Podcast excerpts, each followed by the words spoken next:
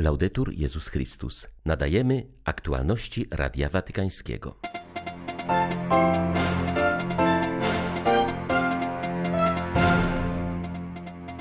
Pomyślmy o Jezusie w ramionach uciekających Józefa i Maryi i zobaczmy w nich wszystkich dzisiejszych migrantów. Te słowa wypowiedział papież podczas audiencji ogólnej. Jedna z misjonarek pracujących na Haiti zwraca uwagę, że ten karaibski kraj znajduje się na pograniczu upadku. Źródłem przemocy jest skrajne ubóstwo. Wspólnota międzynarodowa nie powinna zapominać o dramacie Afgańczyków, a szczególnie o coraz trudniejszej sytuacji kobiet w tym kraju, uważają pracownicy organizacji humanitarnych. 29 grudnia witają Państwa Łukasz Sośniak i ksiądz Krzysztof Ołdakowski. Zapraszamy na serwis informacyjny.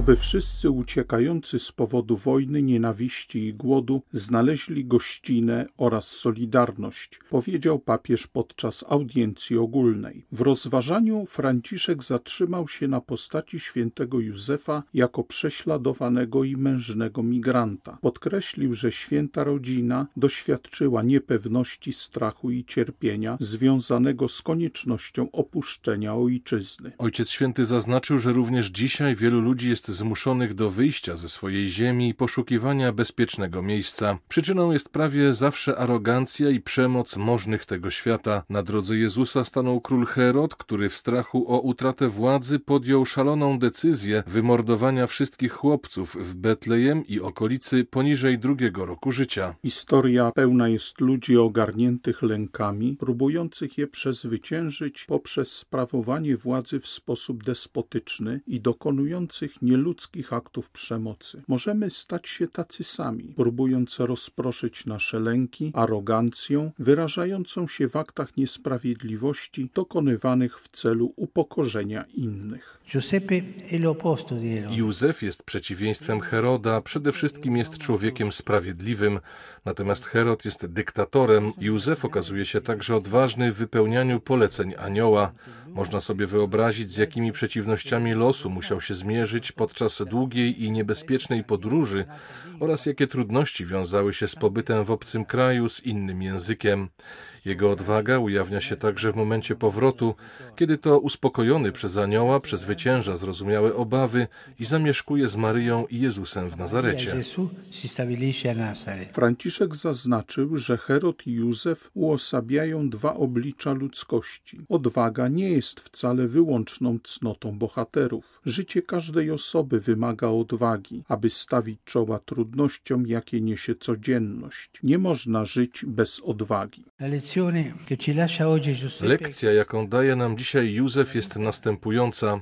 Życie zawsze stawia przed nami przeciwności. W ich obliczu również i my możemy czuć się zagrożeni, bać się.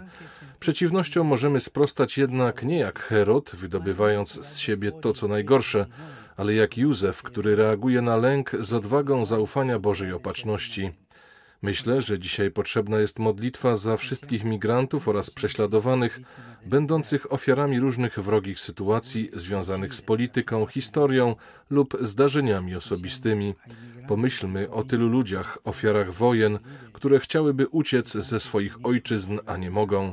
Pomyślmy o migrantach wkraczających na drogę do wolności, z których wielu ginie na ulicy lub w morzu. Pomyślmy o Jezusie w ramionach uciekających Józefa i Maryi, i zobaczmy w nich wszystkich dzisiejszych migrantów. Wobec współczesnej migracji nie możemy zamykać oczu, to skandal społeczny ludzkości. Pozdrowieniach skierowanych do pielgrzymów papież życzył, aby zawsze pozostawali mocni w wierze, patrząc na dzieciątko Jezus, które w tajemnicy Bożego Narodzenia daje się w darze całej ludzkości. Do Polaków Ojciec Święty powiedział: Serdecznie pozdrawiam polskich pielgrzymów. Drodzy bracia i siostry, zbliżając się do końca tego roku, dziękujmy Panu za otrzymane łaski i za każde dobro, jakiego pozwolił nam doświadczyć, mimo wszelkich trudności naszych czasów.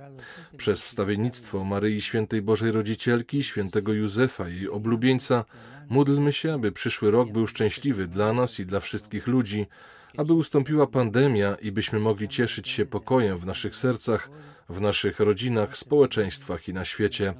Boże błogosławieństwo niech Wam zawsze towarzyszy. Grazie. Wszystkie diecezje na Filipinach włączyły się w pomoc ofiarom tajfunu, który przed Bożym Narodzeniem spustoszył kilka wysp tego archipelagu. W parafiach, które nie zostały dotknięte tragedią, organizowane są zbiórki pieniędzy oraz podstawowej żywności i ubrań dla prawie 600 tysięcy ofiar. O konkretną solidarność z potrzebującymi zaapelował nuncjusz apostolski w tym kraju, który święta spędził wśród poszkodowanych w wyniku tajfunu. Arcybiskup Charles Brown odwiedził kilkanaście miejsc dotkniętych kataklizmem. Papieski dyplomata zaapelował do wiernych o okazanie gościnności ludziom znajdującym się w potrzebie. Sytuacja na Filipinach wciąż jest bardzo trudna, a wielu poszkodowanych nie otrzymało dotąd pierwszej pomocy.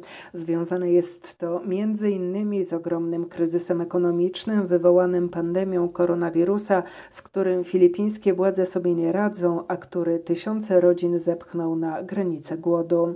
Stąd też ogromne zaangażowanie Kościoła w niesienie pomocy, która organizowana jest przy wsparciu parafii i lokalnych oddziałów Caritas, a także dzięki wsparciu płynącemu z zagranicy.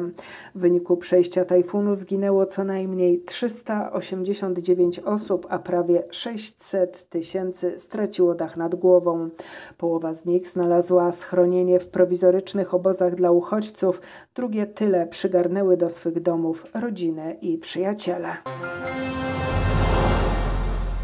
ONZ wzywa do zawieszenia broni w Birmie do końca roku. Żąda także przeprowadzenia dochodzenia w sprawie masakry bożonarodzeniowej, w której zamordowano co najmniej 35 cywilów, wśród nich dwóch pracowników organizacji humanitarnej Save the Children. W kraju nadal trwają starcia, a ludzie muszą uciekać ze swoich domów ze względu na coraz bardziej zacięte walki pomiędzy armią a uzbrojonymi grupami oporu. Ta sytuacja jest doskonałym obrazem tego, co dzieje się w całej Birmie, uważa dziennikarz i znawca tematyki mianmarskiej Stefano Vecchia w rozmowie z Radiem Watykańskim zaznacza, że konflikt zaostrza się, a starcia przybierają na sile. Wojska rządowe muszą mierzyć się z ludowymi i etnicznymi milicjami, które uformowały się, aby chronić ludność cywilną przed brutalnością hunty. To rodzi coraz większe napięcia i eskalację przemocy, wyjaśnia Vecchia.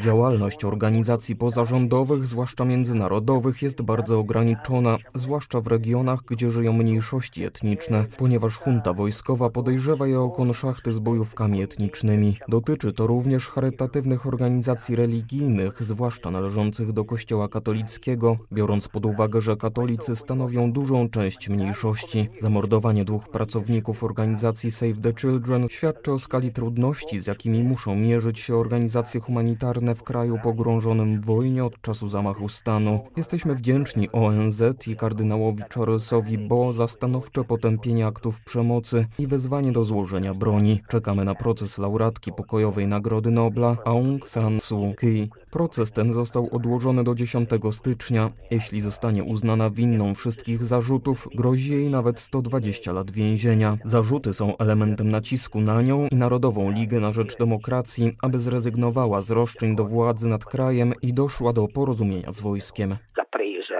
Almeno per qualche tempo a venire. Organizacje humanitarne napotykają na coraz większe trudności w niesieniu pomocy kobietom w Afganistanie. Jednocześnie lawinowo rośnie liczba próśb o wsparcie. Na sytuację w tym kraju spuszczono zasłonę milczenia. Wspólnota międzynarodowa dalej realizuje swoje cele, nie przejmując się dramatem Afgańczyków, mówi Simona Lanconi z fundacji od lat wspierającej afgańskie kobiety. Sono tantissime donne disperate che Jest wiele zdesperowanych kobiet, które chciałyby w jakiś sposób móc wydostać się z Afganistanu, ponieważ znajdują się w warunkach nie tylko głodu i ubóstwa, ale także nieustannego zagrożenia. Brak jakiejkolwiek nadziei to uczucie wykraczające poza bezsilność, ponieważ ta sytuacja nie wzbudza międzynarodowego oburzenia, które mogłoby zmienić bieg rzeczy. Po zakończeniu ewakuacji nasza fundacja zaczęła tworzyć w całym kraju bezpieczne domy dla kobiet, ale potrzeby są tak ogromne, że zdaliśmy sobie sprawę, iż nie możemy ich mnożyć w nieskończoność. Wspieramy więc kobiety również finansowo, zapewniamy żywność ich dzieciom, ale jest to coraz trudniejsze z powodu restrykcji talibów. Ważne jest, aby nadal zwracać uwagę na to, co się dzieje w tym kraju, ponieważ w przeciwnym razie Afganistan i afgańskie kobiety zostaną zapomniane. you. Był człowiekiem mężnym, wierzącym w siłę przebaczenia i dialog, tak zmarłego ostatnio anglikańskiego biskupa Desmonda Tutu wspominają członkowie wspólnoty świętego Idziego, z którą przez dziesięciolecia współpracował na rzecz budowania sprawiedliwości na całym świecie. Arcybiskup Desmond Tutu był jedną z najważniejszych postaci ostatniego stulecia, zawsze był na pierwszej linii walki z rasizmem, niesprawiedliwościami i wykluczeniem. Siłę do tego czerpał z Ewangelii, mówi Radio Watykańskiemu Leone Gianturco z rzymskiej wspólnoty świętego Idziego, który współpracował z arcybiskupem Tutu. Niezapomniana jest jego siła moralna i ogromna wiara. Pamiętam, kiedy przyjechał do Rzymu zainaugurować namiot Abrahama, czyli dom dla uchodźców. Zrozumieliśmy wtedy, że mamy do czynienia z wyjątkową postacią. On wcielał Ewangelię w swoje życie, działając przeciw wszelkim niesprawiedliwościom, walcząc z apartheidem, ale i późniejszymi zbrodniami, wierzył, że jego lud jest w stanie się podnieść. Wierzył w pokój i pojednanie. Pamiętam jego zaangażowanie po ludobójstwie w Rwandzie. Powtarzał, że bez przebaczenia nie ma przyszłości. Człowiek Boga, człowiek modlitwy, z której czerpał siłę, by stawiać czoło wielu dramatycznym sytuacjom.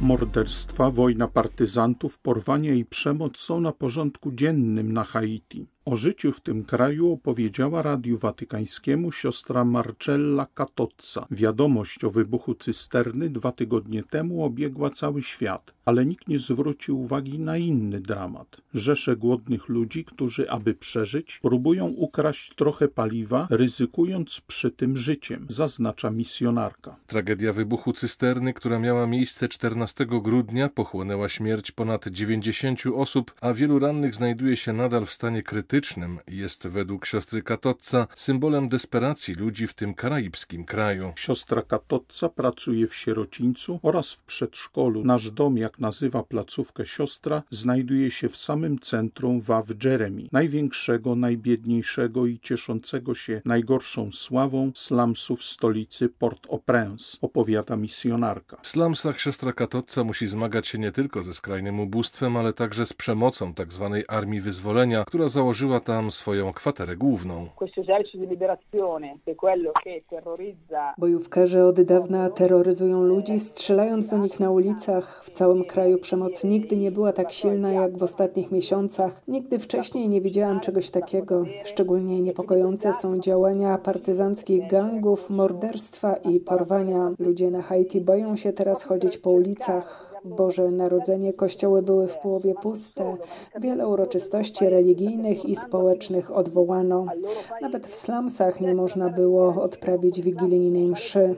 Musieliśmy również zrezygnować ze spotkania z nowym nuncjuszem apostolskim, który miał odwiedzić nasze dzieci i sprawować dla nich Eucharystię. Źródłem przemocy jest tutaj skrajne ubóstwo. To trwa od 40 lat, a nikt nadal nic z tym nie robi. Były to aktualności Radia Watykańskiego. Laudetur Jezus Chrystus.